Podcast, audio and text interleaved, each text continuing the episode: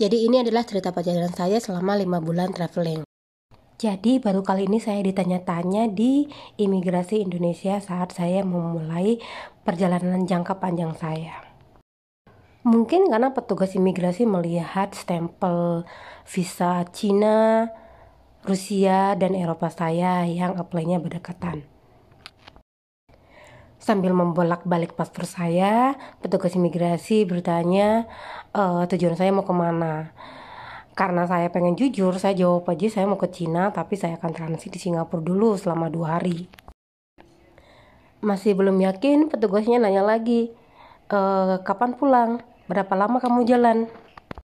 Ya lah bapaknya kayaknya posisi saya eh, nggak uh, balik-balik ke Indonesia kali ya.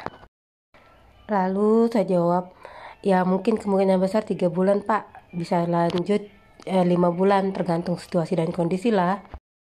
Surprise, dia bolak-balik paspor saya lagi, kemudian melihat saya dan nanya, emang kamu nggak kerja? Emang kamu boleh cuti?